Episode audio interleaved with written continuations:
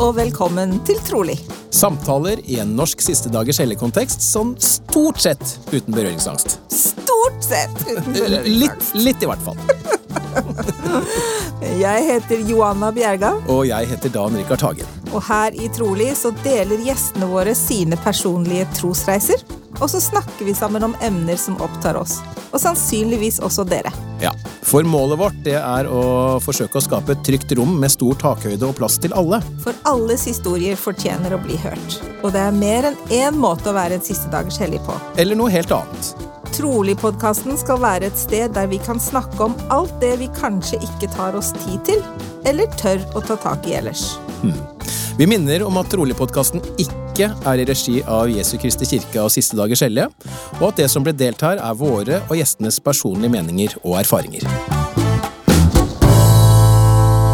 Det er eh, søndag ettermiddag, og vi er klare for å lage en ny episode av Trolig. Og så har vi med oss eh, Nina Nystad i dag. Eh, Eller som jeg kjenner deg, Nina Ferhagen. Hei, hei. Hei! Fordi vi er jo We go way back. Ja, kan nesten ikke gå lenger way back. Nei, ikke egentlig. Vi eh, gikk i samme primær og hadde de samme lærerne og lærte de samme tingene, da. Ja.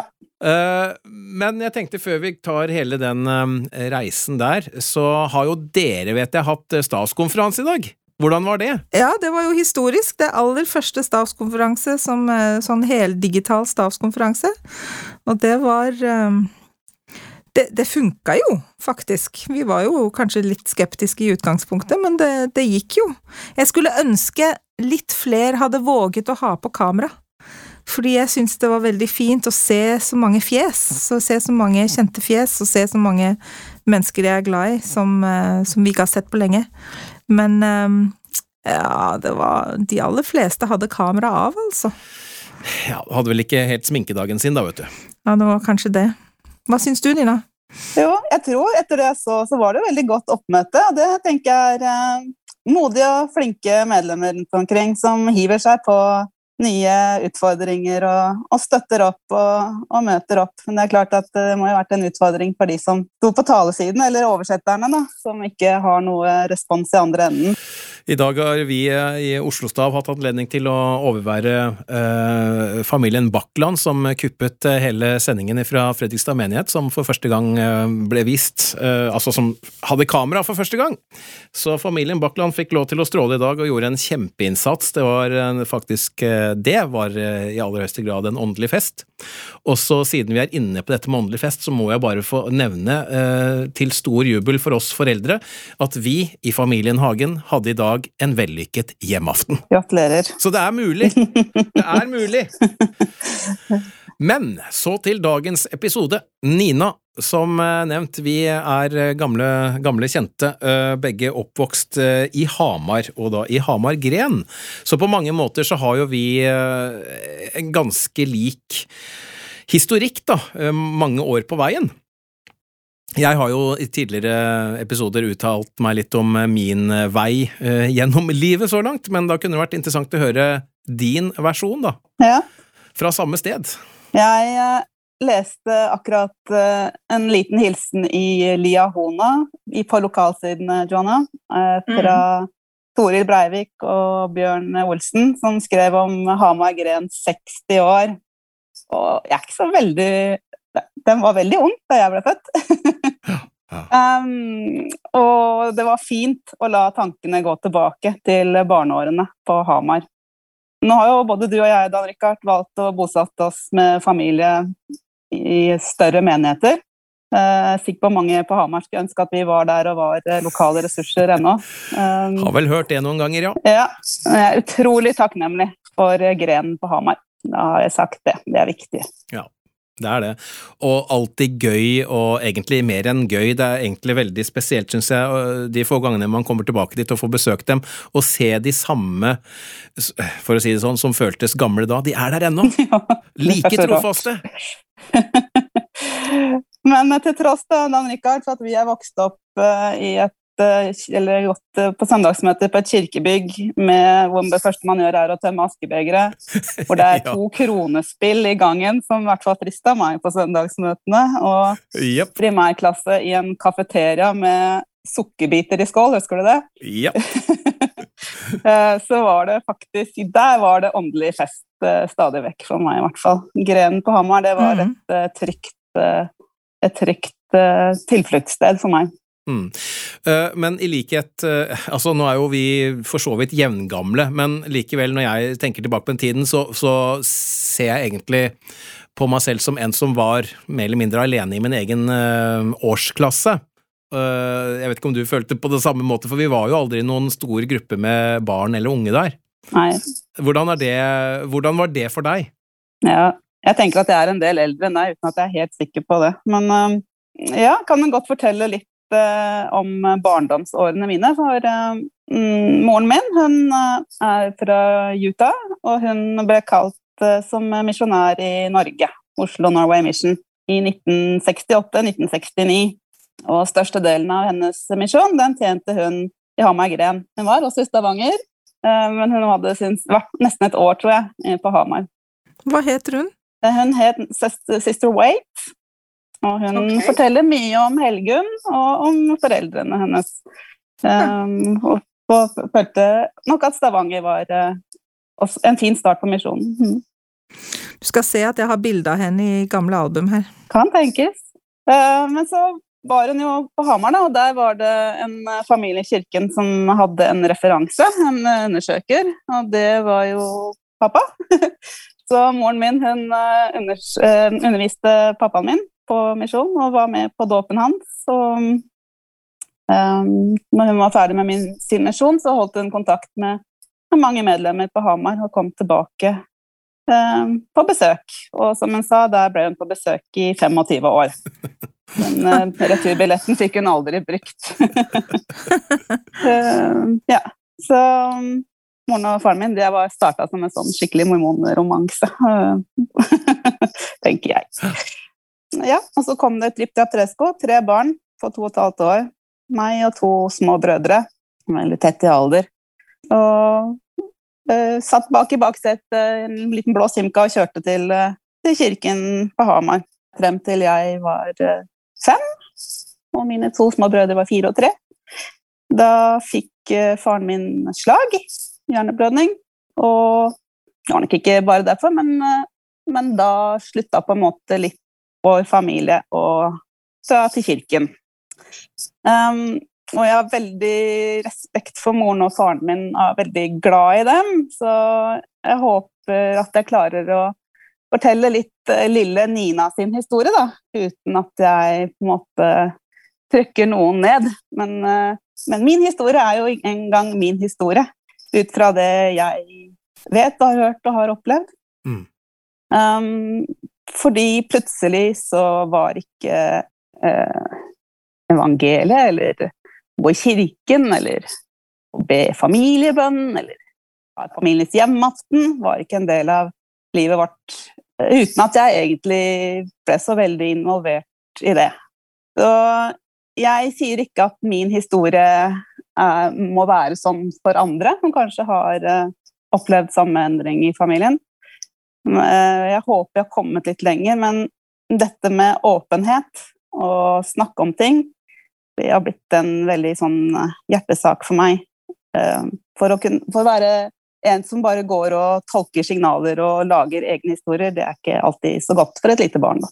Var det det du opplevde? At du, fordi det ikke ble snakket om, så, så skapte du deg din egen versjon av hva som egentlig hadde skjedd? Jeg tenker det. Tenker at barn er veldig flinke til å tolke, lese signaler, lese pupiller som beveger seg, eh, ord som ikke blir sagt, ord som blir sagt, eh, og alt. Det tror jeg, vi er ganske, tror jeg barn er ganske gode på. Eh, og så Hvis man da ikke snakker om ting, så blir det kanskje at man lager seg egne historier, da. Mm. Og da er jeg i hvert fall veldig flink til å horribilize, som jeg pleier å si. At, at min versjon er kanskje mye, mye verre enn enn det egentlig er. Det er det helt sikkert. Mm. ja, I min eh, verden da, så var det i hvert fall sånn at det ble stilt et ultimatum, og det var at uh, vår familie skulle ikke ha noe kontakt med kirken. Frem til i hvert fall vi var eh, myndige eller voksne nok til å kunne bestemme det selv. Så, mm, så Dan Rikard, når ikke vi har liksom vært i samme primærklasse, så handler det mye om at kanskje den, de årene da, som uh, fra jeg var fem år til jeg var ja, 18, da, så var det veldig sånn eh, sporadisk eller av og på eh, i hvilken grad jeg var i kirken. Kan, kan, jeg si litt mer om det der med å snakke om ting? For, at, for det første jeg har tenkt mye på at dette med liksom, troskrise, det var ikke noe ord som ble brukt da familien vår ikke begynte å gå i kirken lenger. Eh, det var jo egentlig at pappa sa at vi ikke skulle gå i kirken, og så ble min forklaring da at det var liksom det var det store sviket. Det var da familien ble knust eller ødelagt, eller altså Da, da slutta alt å funke. Hadde jeg hatt mulighet til å ta den samtalen nå i dag, da, så kanskje det hadde vært faktisk å snakke mye om det, om å ha en troskrise. Men det var jo tabu. Vi snakka ikke om sånne ting på den tiden. Ikke i vår familie, i hvert fall. ja, altså Da tenker du på dere imellom, i familien? Ja, i familien. Mm. Mm. Så jeg skulle ønske jeg hadde hatt den muligheten til å ta den samtalen med pappa nå. Han uh, er jo ikke her lenger. jeg er sikker på at vi kunne hatt en kjempemeningsfull og god samtale om det nå, med, nå som jeg er voksen. Og Hvor lenge levde han etter at han fikk slag? 20 23 år. Oi. Ja, han døde om 63 år. Ja. Um, Men til tross for eh, holdt på å si, denne perioden, så valgte du jo på egen hånd da, på et eller annet tidspunkt å gå, eller, eller, hva var det som gjorde at du For du er jo i kirken nå. Hva er greia? Ja. Ja. hva skjedde videre? ja, um, kanskje nettopp derfor. Kanskje fordi at um, Kanskje fordi det var litt forbudt eh, eller ikke lov, at det frista litt. Grann. Jeg var eh, Reversed psychology? Fall, ja, mitt tenåringsopprør så at jeg begynte å gå i kirken.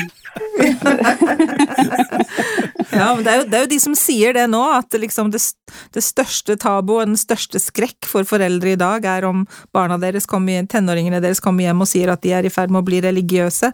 Da får jo norske foreldre fullstendig panikk. Ja, det bør vel helst ikke skje. Jeg gikk på ungdomsskolen, så fikk vi en eh, oppgave, innleveringsoppgave, og det var jo disse eksistensielle spørsmålene. Hvem er jeg, hvor kommer jeg fra, hvor går jeg hen? Eh, og jeg Hjemme hadde vi noe tilgang til eh, kirkelitteratur, da, kall det det. Det var mamma sine skrifter fra hun tjente på misjon. Og så hadde vi en ganske tjukk bok, sånn jeg husker det, som het Den gjenopprettede kirke, og bilde av Salt Lake Tempel på foran.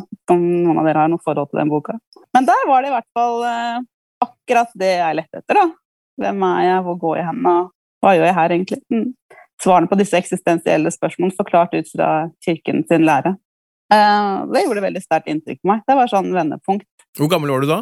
Altså, jeg tror det var kanskje første år på ungdomsskolen. da. Så da begynte jo søndagene å bli litt eh, spennende. For da var det om å gjøre å pakke en pose, plastpose med litt søndagstøy, og så prøve å snike det ut av huset. Og sette seg på sykkelen og sykle ned til eh, til Hamar Gren, da, uten å bli oppdaga at jeg dro ut. Såpass? Ja. Og, det, og skifte der nede, og så skifte fort igjen og komme hjem og late som det hadde vært hos noen venner eller et eller annet. Og for meg var det faktisk veldig trygt og godt å komme i kirken. Veldig fint. Eh. Jeg var jo såpass eh, til og fra at eh, det var jo ikke Og det var en liten gren med, med få ressurser.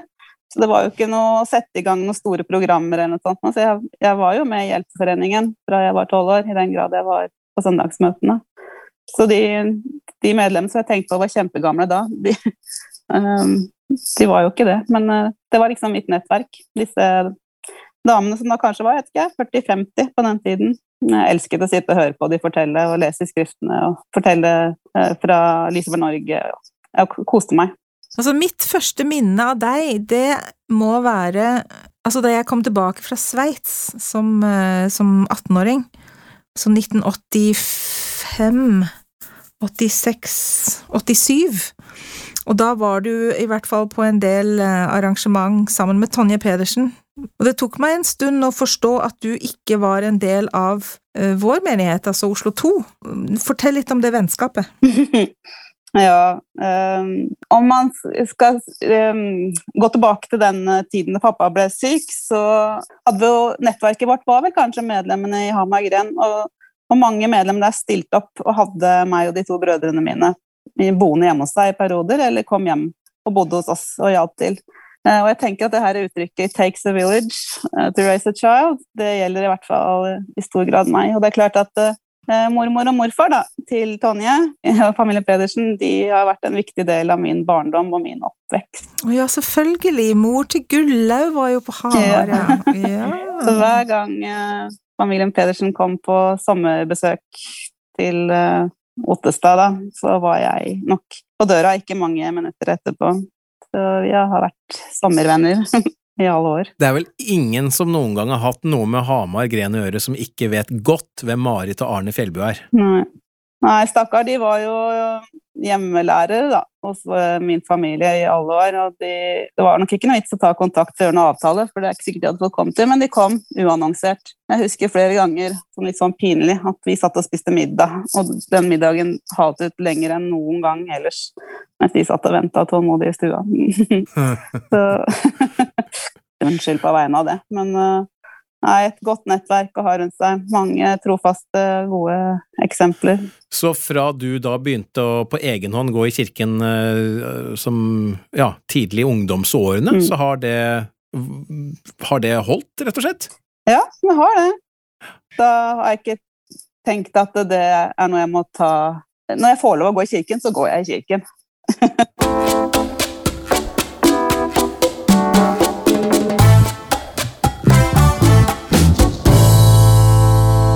Ok, Nina. Alt dette her er helt nytt for meg. Eh, jeg har på en måte kjent deg i 35 eh, år, og så har jeg virkelig, virkelig ikke visst noe som helst om familiebakgrunnen din. Så kan du ikke fortelle oss litt mer om oppveksten din og foreldrene dine? Det vil jeg gjerne gjøre.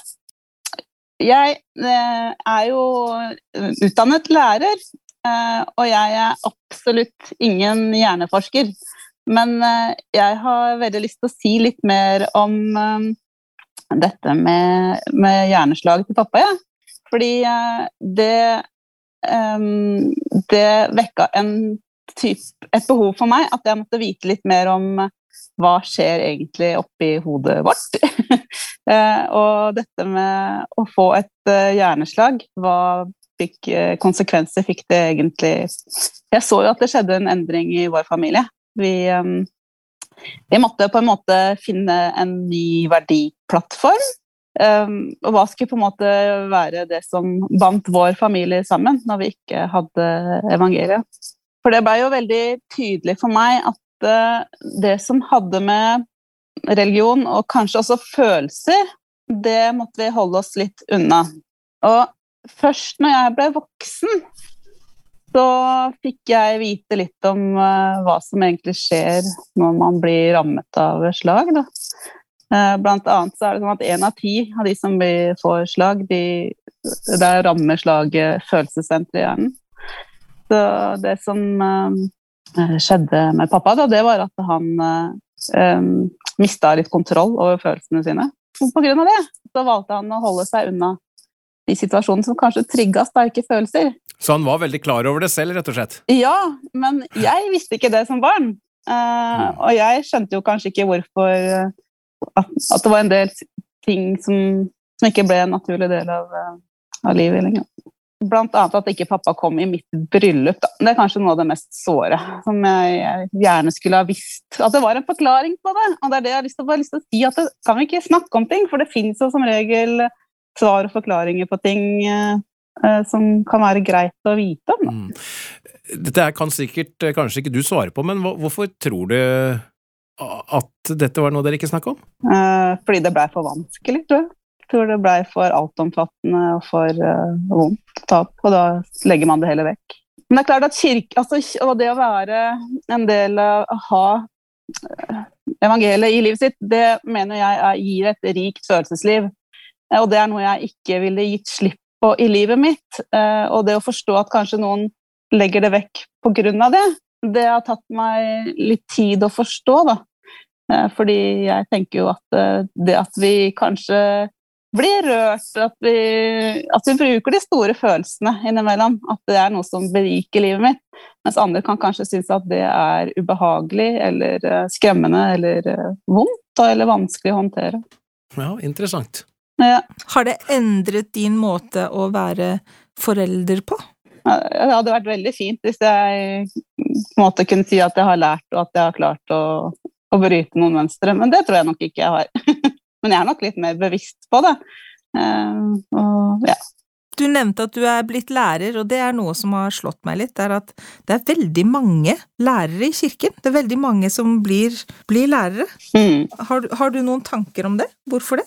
Jeg tror vi har lyst til å jobbe med mennesker og utgjøre en forskjell. Og så er det jo verdistyrt. En sånn kallstanke i det å være lærer. var, det, var det det som gjorde at du valgte å bli lærer? Nei. Det var at jeg ikke kom inn på Teaterhøgskolen. ok! jeg, jeg, jeg, kan litt om mye, men jeg er ikke skikkelig god på noe. Sånn at da kan man være en litt sånn allmennlærer som kan brukes litt på alt. Men jeg har egentlig musikk som faget mitt, og jeg er ikke la ikke ned nok arbeid til å være en utøvende musiker. Det var jeg ikke villig til å betale timer for. Så jeg vil gjerne ha raske resultater uten noe som helst innsats. Så sånn er det. Det har jeg litt vanskelig for å tro, men ok. Men du har jo to brødre også. Eh, hvor, hvor er de oppi alt, eh, alt dette her? Mm. Så de var jo enda mindre enn meg på en måte da, da livet skifta retning hos oss. Mm. Så de husker nok ikke så veldig mye fra, fra kirkeårene. Nei, ok. Så de er ikke aktive i dag, eksempel? Nei. De var tre, tre og to år på en måte da vi lokka det kapitlet. Mm. Akkurat.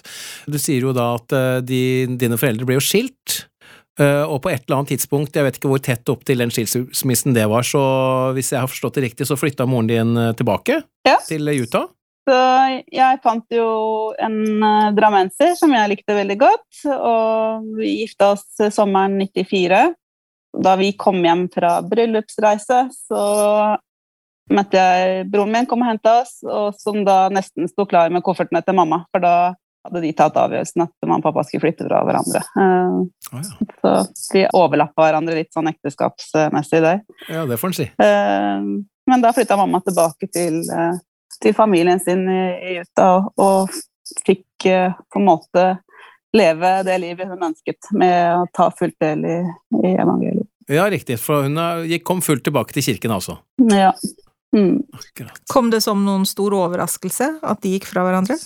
Jeg kjente jo ikke så veldig mange som var skilt ja, på den tiden der. Det var ikke så veldig vanlig med skilsmisser. Så jeg var overraska, men jeg så jo at det var kanskje godt for dem begge, da. Så da startet et nytt kapittel i livet til Nina. Du giftet deg med en drammenser og flyttet uh, til Drammen, antar jeg?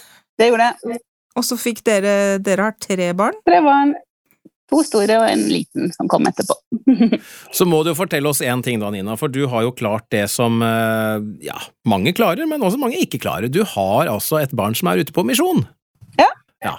Fortell om hva oppskriften for å få det til er. Og det er nummer to. altså Førstemann har jo òg vært på misjon. Det er nummer to, ja. Så to Akkurat. av tre, det er ganske bra, det. Ja, jeg har, jeg har vært heldig. Jeg har fått uh, Jeg har vært heldig. Det er alle. Alle har fått de barna man skal ha. Men uh, ja, mine to eldste har jo hatt et ønske om å tjene misjon. Så Mikael han uh, ble kalt til å tjene i Russland. Han var i Rostov i to år. Uh, og vi hadde vel én transfer, da, hvor begge to var ute samtidig. Natalie reiste på MTC tre dager før det ble lockdown i verden. Og var egentlig kalt til å tjene på, Salt Lake Temple Square-misjonen, men ble flytta til England og reiste til MTC og fikk to uker på MTC før hun ble sendt i isolasjon i leilighet i England. Det har vært spennende, både om vi fikk hjem eldstemann, for han fløy gjennom Tyrkia og så på skjermen at alt bare plutselig ble cancelled, cancelled, cancelled, cancelled. Og endte opp i Stockholm og buss hjem. Så det var på hengende håret at vi fikk han hjem trygt mens grensen var åpne. Akkurat, Så det var helt på børjan av pandemien at han var ferdig med sin misjon? Ja, han ble sendt litt før. Ah, ok. Ja. Uh, fordi, ja, på grunn av lockdown. Nettopp. Så det å ha to barn for misjon, det er jo eh, nesten en fulltidsjobb, føler jeg. For du henger jo med på alt. Så Mikael hadde vært ute et år, så kom jo denne endringen om at eh, man kunne ha ukentlig kontakt med familien sin. Så mandager for oss, det er jo Da snakker vi med misjonærene våre. Det har gjort det.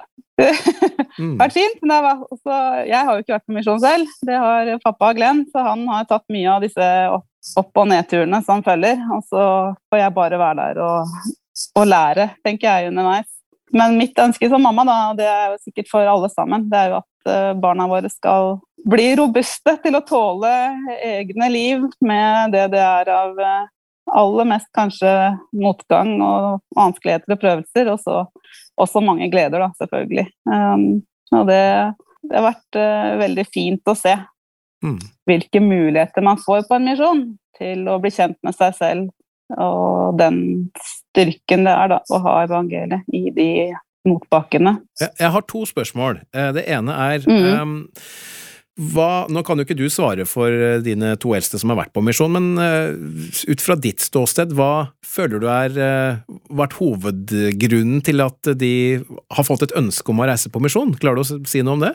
Um, litt ulikt for begge to, tror jeg egentlig. For min, altså Natalie tror jeg har vært veldig opptatt av pappa sitt eksempel. At hun vil gjøre alt det som pappa har gjort. Pappajente? eh, pappajente, skikkelig. Eh, og eldstemann. Jeg tror at jeg har hatt misjonærene mye hjemme hos oss. Har vært eh, til inspirasjon. Da. Mm. At eh, misjonærene har alltid vært uh, noe positivt når de har kommet hjem til oss. Mm. Har dere snakket mye om misjon hjemme, f.eks.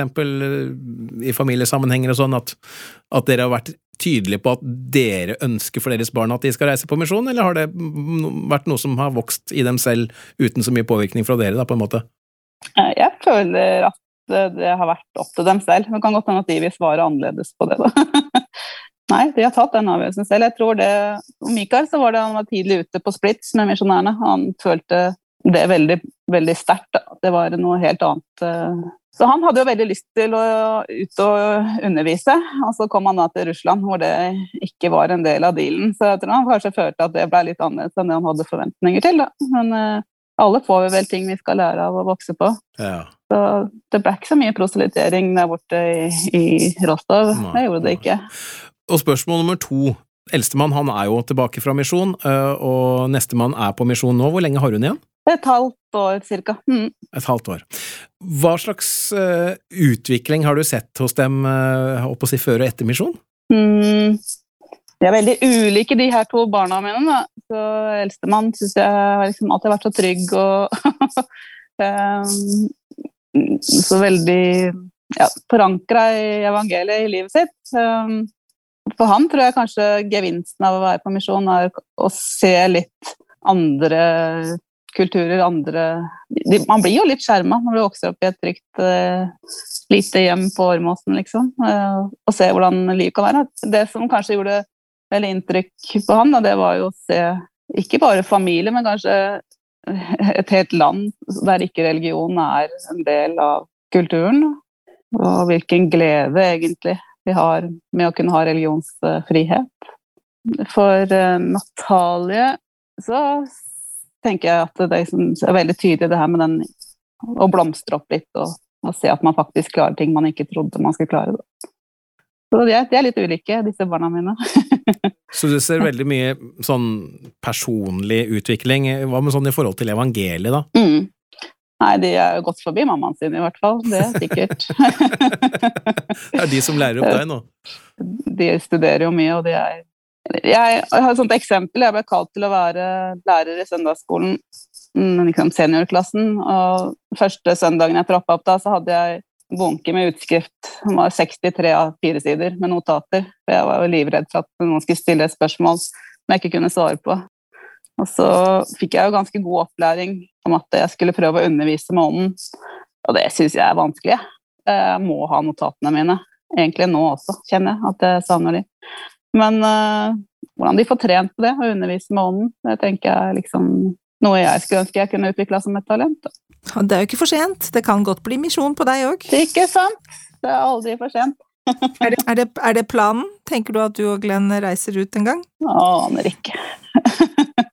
Aner ikke. Dan Rikard, hva med deg? Har dere tenkt å komme dere ut på misjon en gang?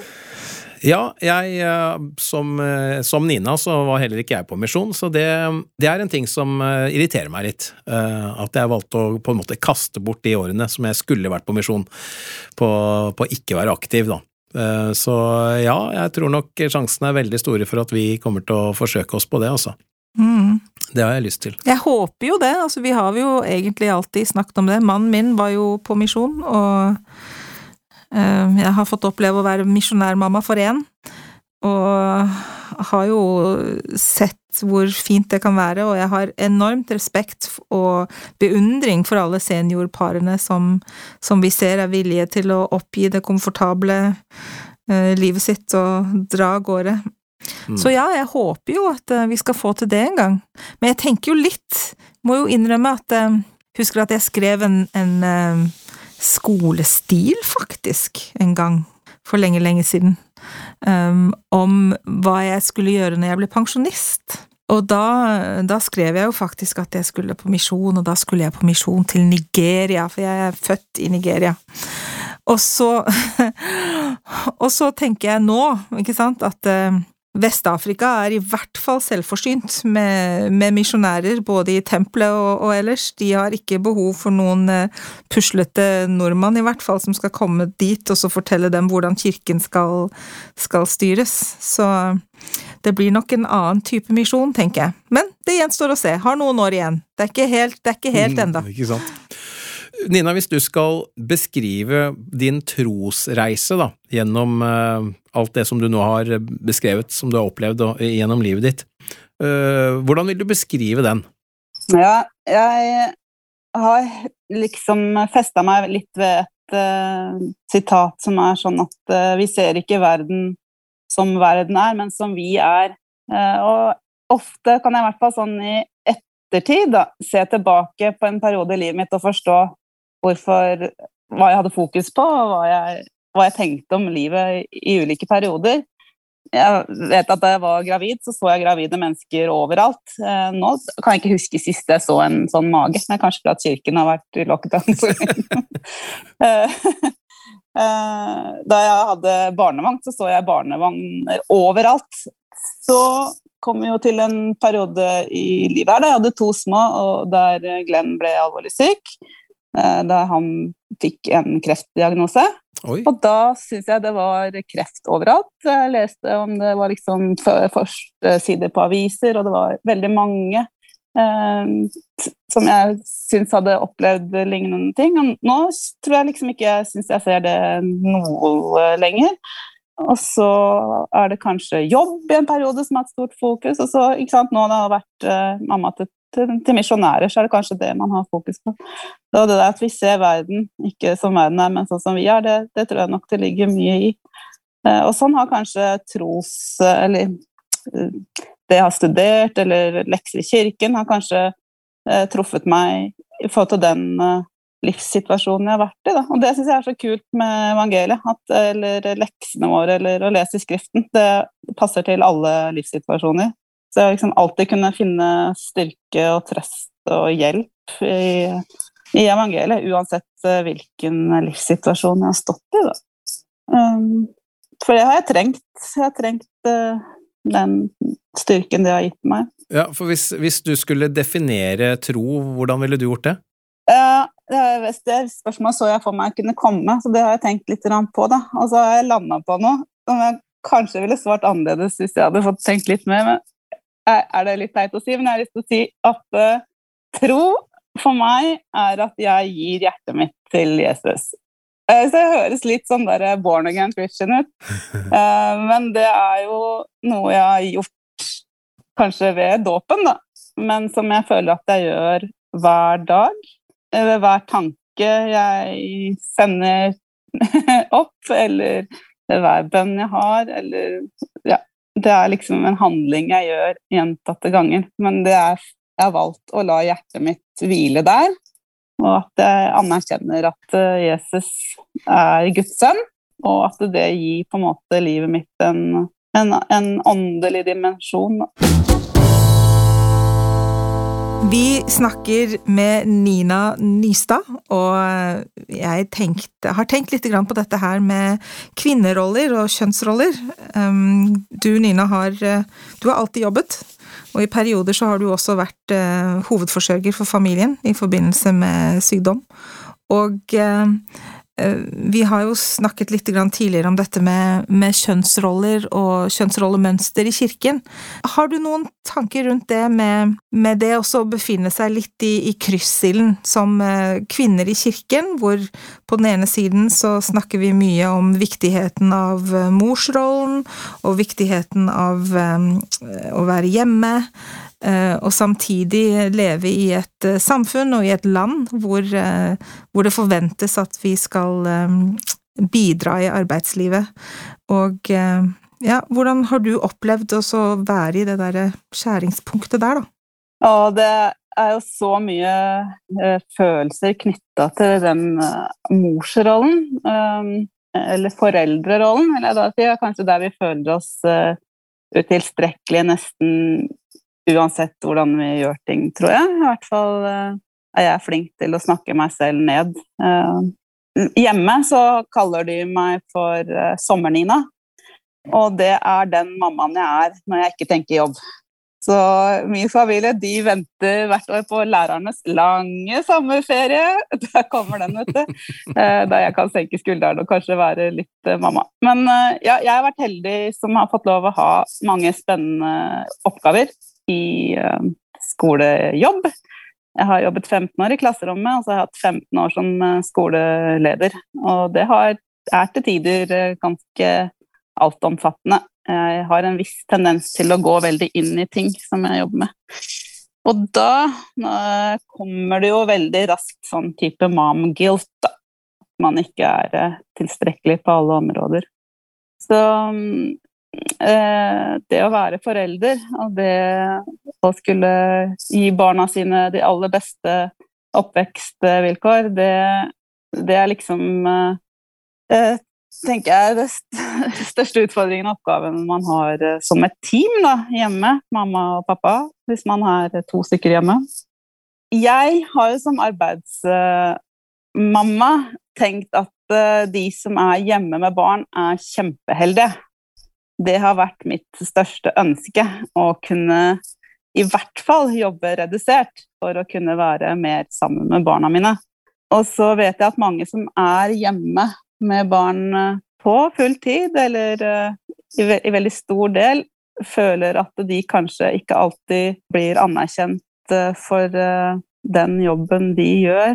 Det gjør det jo ikke i samfunnet i dag heller, for å si det rett ut. Nei, og det er så rart at du liksom Ikke sant, jeg tenker jo at uh, jeg går glipp av noe som er i arbeidslivet, fordi noen har den muligheten, mens de som har den muligheten, kanskje føler at, det, at ikke samfunnet verdsetter det nok. Da. Så her har vi noen holdninger som vi må jobbe med. Det som er litt interessant, er at den blir ofte knytta til morsrollen og det å være mamma, fordi familien velger ofte at det er mamma som er hjemme. Men hos oss har jo vi hatt en husfar. Um, og Jonah, den, vi har jo lytta litt til denne, denne podkasten, og, og, der var det liksom dette spørsmålet uh, Ja, hva jobber du med? Jo, jeg er hjemme med barna, og så blir det helt stille etterpå. Uh, og det, det spørsmålet og det svaret, det blir veldig likt når det også er en pappa som er hjemme. Mm -hmm. Så når Glenn får spørsmålet 'hva jobber du med', eh, og så han forteller at han er jo hjemmeværende, så blir det også møtt med sånn 'oi, det var rart, hva svarer vi nå', liksom. Mm. Så jeg velger jo å tro at det kanskje er knytta til rollen, da. Det å være hjemme med barn, og ikke nødvendigvis knytta til kjønn. Om det er en mamma eller en pappa som er hjemme. Men uh, i og med at det kanskje er kanskje mest vanlig at det er uh, kvinner som er hjemme, så er det kanskje også fått en større del i det med, med kvinnerollen også. Jeg vet ikke, Har dere noen tanker om det? Nei, jeg tror du har rett. At det har nok kanskje mer med oppgaven eh, å gjøre enn kjønn, nødvendigvis. Um, og jeg kjenner meg jo litt igjen i den der uh, og føle at jeg litt, går litt i spagat, eller gikk litt i spagat, sant? hvor en del av meg ønsket å være hjemme, og en del av meg ønsket å, å være ute, og at jeg følte at jeg spredte meg for tynt begge plasser, og ikke, ikke fikset verken arbeidslivet eller mammarollen. Og det var sårt til tider, og, og samtidig føle at det ikke nødvendigvis ble så verdsatt. At, at det å være i arbeidslivet ble sett litt ned på i, i kirken, og omvendt, da. At samfunnet ikke satte pris på at jeg ville være hjemme. Så Men jeg, jeg vet ikke om Jeg tror kanskje det òg er litt sånn generasjonsbetinget. Jeg innbiller meg at kanskje vår generasjon var kanskje den siste som hadde et reelt valg om å kunne klare seg med én inntekt. Eh, at, eh, at det nå er blitt enda vanskeligere. Jeg kjenner i hvert fall enkelte par som, som, eh, der det ikke har vært mulig å få huslån, for eksempel, med kun én inntekt. Ja, det er, ikke, det er ikke helt enkelt. Dan Rikard, har du noen tanker? Det har du helt sikkert. ja, Eh, det har jeg jo. Eh, dette her var jo et av eh, sjekkespørsmålene for kona mi før vi ble gift. Hun hadde jo, uten at jeg var klar over det, en del sånne punkter som måtte være avsjekket for at jeg skulle være interessant, og et av dem var jo hva syns jeg om at kvinner velger å være hjemme for å oppdra barna sine i stedet for å jobbe? Og heldigvis så svarte jeg da riktig, da, nemlig at det, det syns jeg var veldig fint. Så det er jo den modellen vi har valgt, så min kone har jo ikke jobbet i det hele tatt siden siden, vi, siden hun ble gravid første gangen.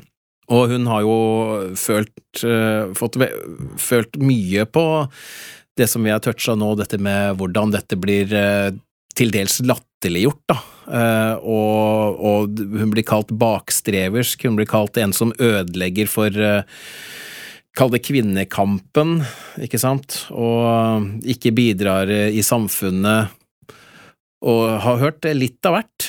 Så, så, så, noen ganger så har det for oss på en måte vært et sånt prinsipielt standpunkt vi føler at vi har måttet eh, ja, både forsvare og virkelig være overbevist om for egen del, da, for i det hele tatt stå, stå i det.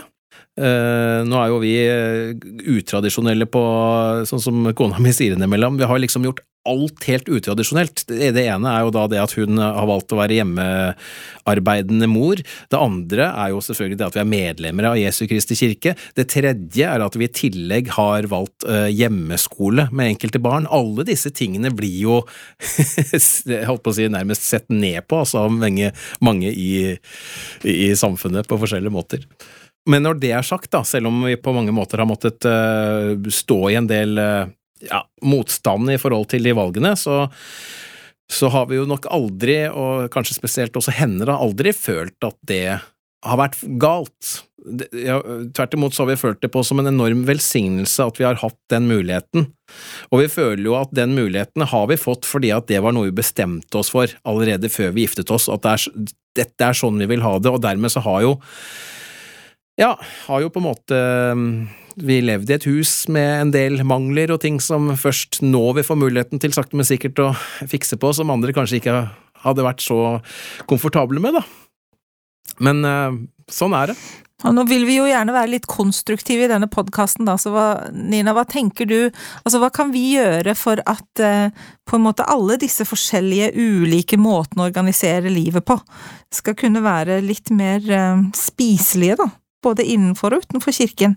Altså, jeg er jo litt eh, Både du og jeg er litt opptatt av dette her med at, eh, at kvinner skal heie på hverandre, og heie hverandre litt frem, og, eh, og at mye er gjort hvis vi kan på en måte støtte hverandre i, i våre individuelle valg, selv om de valgene kanskje er annerledes.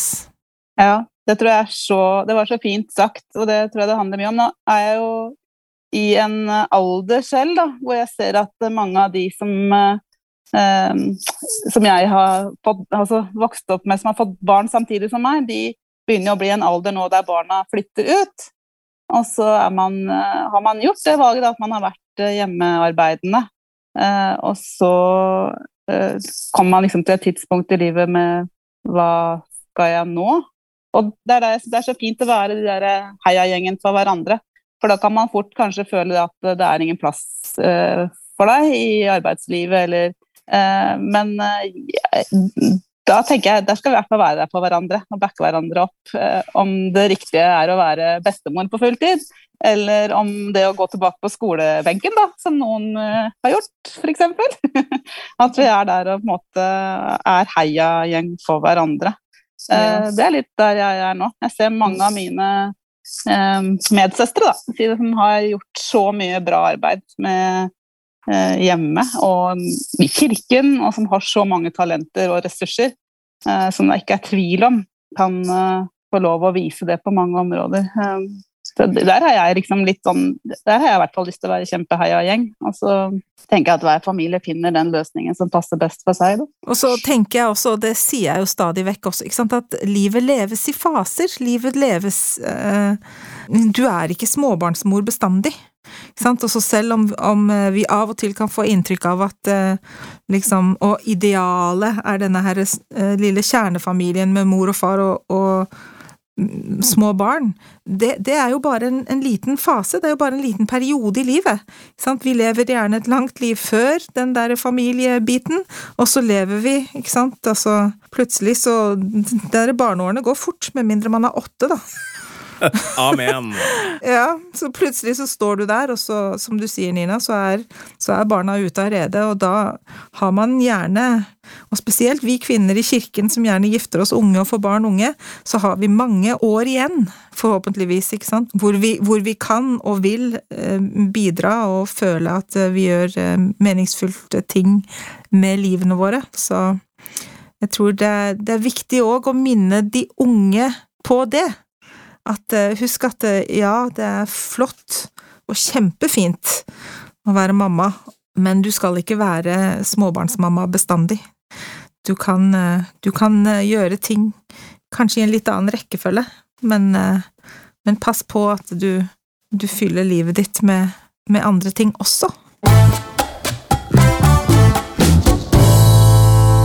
Ja, Da nærmer vi oss uh, slutten på denne episoden, og vi har jo våre faste poster, som plutselig er blitt utvidet fra to til, uh, til tre.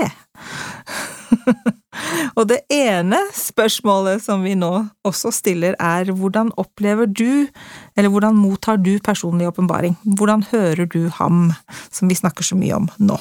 Uh, jeg tror jeg blitt undervist av leder i kirken jevnlig om det her med viktigheten med personlig åpenbaring. Jeg tror noen knagger jeg har, er jo kanskje den største også. Det er vel kanskje Iring, som uh, for lenge siden snakka om det med å se Herren sånn hver dag i livet mitt. Og han fortalte at han skrev dagbok uh, og, og, prøvde å stille seg selv det spørsmålet hver dag. Så jeg har gjort det til en litt sånn uh, greie at jeg prøver å lete etter det jeg kaller tender mercies. Da. Små, små handlinger som, der jeg føler uh, Guds kjærlighet til meg. Og det syns jeg på forunderlige måter ofte opplever. Små ting som uh, ja, I går for eksempel, gikk jeg en liten tur og funderte litt på denne samtalen vi skulle ha i dag. og så så jeg kikker litt opp, og veldig stjerneklar himmel i går. Og plutselig så er det liksom eh, Hva heter det, da? En stjerne som faller. En sånn eh, stjerneskudd. Og så tenkte jeg guri, der fikk jeg den. Tusen takk. Det var sånn, nå kan jeg ønske meg noe. um, og da ønsker du deg at jeg håper podkastepisoden med meg går bra? jeg håper at det er tekniske problemer. håper det går bra, eller at det er noen som kan ha noe utbytte av det.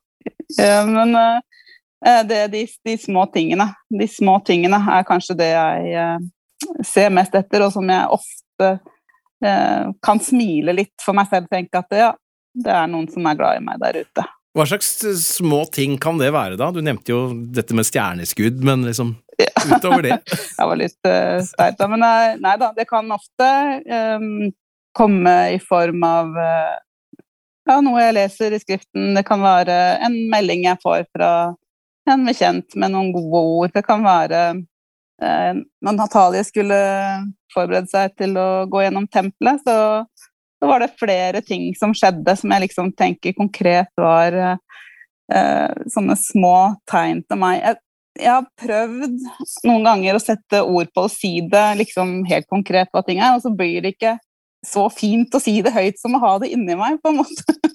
så det gjelder kanskje Det er de små tingene går an å liksom si litt om, men det gjelder kanskje også de litt større opplevelsene i livet der jeg føler at jeg får personlig åpenbaring.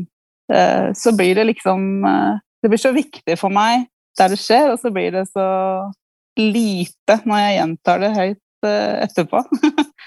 det, å, det liksom, å føle en arm rundt skulderen som ikke er der, på en måte. Det syns jeg sånn fysisk har gjort.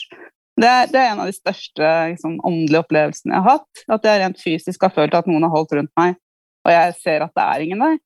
Um, det kan uh, også være ja, nei, jeg vet ikke hva, jeg skal si, for så, jeg syns det blir så lite når jeg sier det høyt i fotoet, den følelsen du har når det skjer da. Mm. Um, Men på mange måter så kan det av og til uh, være godt å høre at andre forteller om det også, selv om det er små ting. For ja. det har noe med at man må se etter de små tingene, for det trenger ikke å, som vi ofte snakker om, at det skal, trenger ikke å forvente at det skal være fyrverkeri og engler som daler ned i skjul og alt mm. dette her, ikke sant. Det er de små tingene. Jeg vet, jeg vet ikke hvor mange ganger jeg har tatt del i nadværen i løpet av livet mitt, det må jo bli noen søndager. Men uh, ja. jeg vet jo helt konkret uh, en søndag jeg var hadde mange bekymringer da jeg tok del i nadværen. Jeg følte fysisk kraft med å ta del i nadværen. Det, det, er sånne øyeblikk i livet som blir så sterke for deg at du klarer ikke å legge de vekk. Og det blir en så utrolig stor gave at du blir utrolig fylt av takknemlighet for det. Men det blir så rart å si det høyt. mm, mm. Men det er, det er, fint å høre deg si det likevel. Eh, et annet spørsmål som vi pleier å stille, er jo hvis det er noe med kirken du kunne forandret på, da? Er det noe du kunne tenkt deg å endret på, da? Da tenkte jeg i utgangspunktet at da svarer jeg bare nei.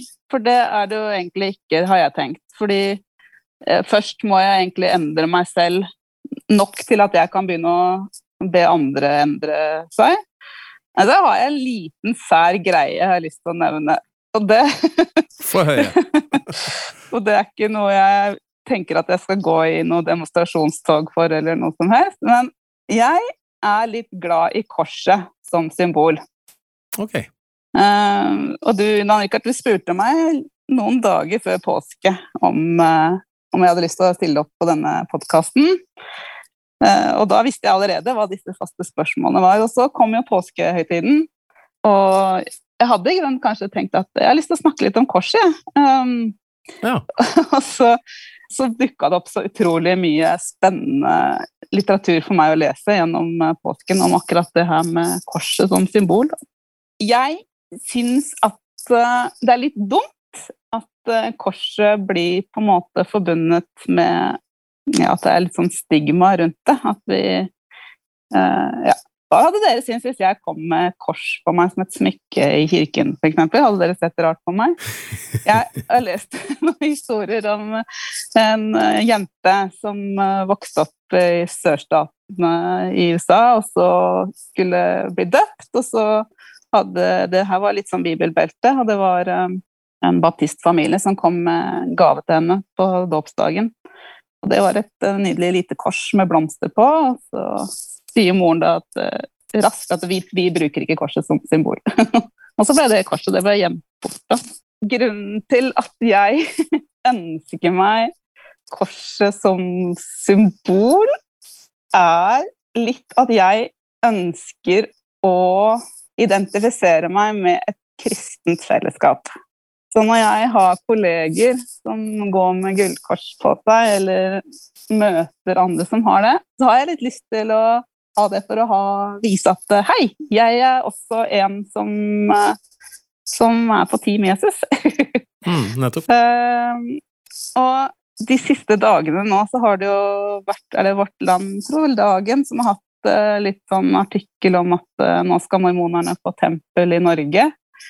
Og så kommer man jo raskt på kommentarfeltet og sier at de, de tror ikke på samme Jesus som oss, eller og så har jeg lest om uh, disse her som uh, lager denne filmserien som heter The Chosen, som skal bruke kirkens uh, innspillingsområde i Utah, der det også kom kraftige advarsler om at liksom, de tror ikke på samme Jesus som oss.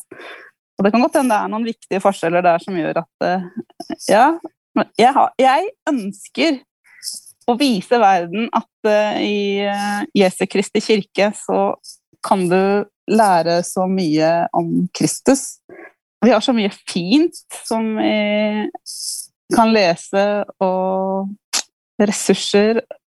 Og så jeg liksom, Skjønner dere litt hva jeg mener? Absolutt. Og det er jo et tankekors, see what I did there, at, eh, at egentlig, ikke sant, hvis du ser på skriftene våre, så er det ikke sånn at korset er bortgjemt, det er ikke sånn at Getsemane spiller noen større rolle i forsoning enn det, enn, det, enn det, korset gjør. På ingen måte. Jesus sier veldig klart og tydelig om igjen og om igjen at han har blitt løftet opp på korset for å trekke oss til seg, og at han har dødd på korset for våre synder, så det er egentlig litt merkelig at korset har kommet litt i bakgrunnen i vår eh, tradisjon og kultur, og det er jo faktisk relativt nytt, har vi jo lært nå disse siste ukene, Nina. Og det er, eh, det er veldig eh, Det har vært superinteressant og gøy å, å, følge med på den diskusjonen som har oppstått nå i eh, den siste tiden om akkurat dette med korset som symbol i Jesu Kristi kirkas siste dagers hellige. Mari, min gode venninne i Sydney, shout-out to Australia, har også nettopp sendt meg en en podkastepisode om akkurat dette, og det var altså en um, australsk et australsk medlem, en kvinnelig professor, som, som, snakket om dette for allerede tre år siden. Uh, og, og, Mari flirte litt og sa selvfølgelig så var det en kvinne som snakket om dette først. For nå har det kommet en del bøker i, vår, i kirken vår om, om nettopp dette, med at, at korset at vi må, vi må, begynne å fronte korset igjen. Og akkurat uh, av samme grunn som det Nina sier, at uh, vi, uh, vi, ønsker jo å identifisere oss med det kristne fellesskapet. Jeg er jo veldig glad for at vi lærer om at jeg ville ikke endra på den, ikke tatt bort noe. Jeg ville bare legge til, da. Jeg er kjempeglad for det vi lærer om Getsemane og den delen av forsoningen som kanskje ikke får like mye plass i andre kristne trossamfunn. Jeg tenker Når vi kanskje også skal ha åpent uh, hus i det nye tempelet her i Norge, da, så kan det hende noen kommer til å spørre hvorfor bruker ikke dere kors i deres møtehus, eller uh, Så det er bare en sånn liten greie jeg har. Jeg, ja. Da håper jeg at vi har kommet lenger. Ja, får vi se. Uh, og kanskje Hva gjør man på dødsannonsen sin? Får jeg lov å ha et lite kors? Jeg håper det. ja, det er også Den offisielle forklaringen er jo at, at, vårt fokus er ikke på hans død, men på at han faktisk lever. Så vi ønsker jo på en måte dermed å fokusere mer på det faktum at han er en levende frelser og ikke en død frelser, som liksom korset gjerne forbindes med, men jeg, jeg, skjønner godt hva du mener. Også. Det er kjempefint. Jeg vil bare ikke at man skal bli redd når man ser et kors, på en måte. Nei, mm. Nei da, da, har man dratt det litt langt. Ja. Og faktisk så er ikke det den offisielle forklaringen. Det er noe som er blitt sagt litt sånn tang tongue in cheek en gang for noen det står i, ja, ja, ja, nei, men det, er, står i tro mot pakten. Ja, ikke sant, men, eh, men det er eh, det er faktisk ikke ikke det kirkens offisielle lære og syn er. Og det Just you wait, nå kommer det. Nå kommer det kors, Nina! ja. okay. Og så, helt til slutt, hva er det aller, aller fineste med ditt medlemskap i kirken og med evangeliet for deg? Mm. Jeg har lyst til å ta frem litt uh, læreren i meg, da. Uh, jeg jobber jo med med barn som skal utvikle seg og forhåpentligvis lære noe. Og jeg har en gang fått et råd, og det er sånn at vil du bevege noen, så må du bevege dem. Altså bevege dem i form av å flytte dem fra et sted og videre, så må du bevege dem i form av å bevege følelsene. Eh, for det kanskje når følelsene våre blir kobla på, så gjør det noe med oss, og vi husker og lærer bedre.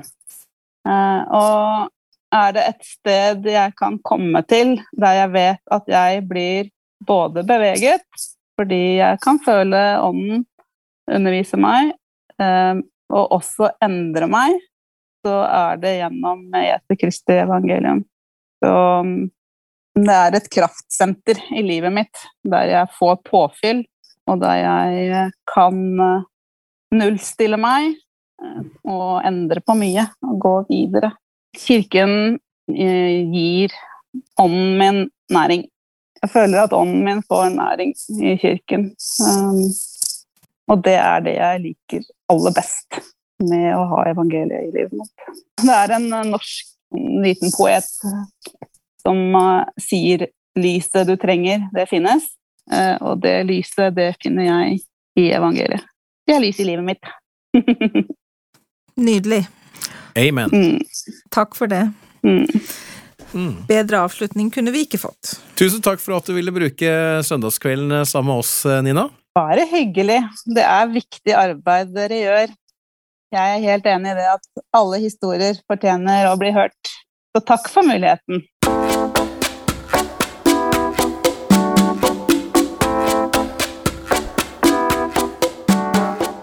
Tusen takk for at du hørte på dagens episode. Om to uker så er vi tilbake med en ny spennende samtale.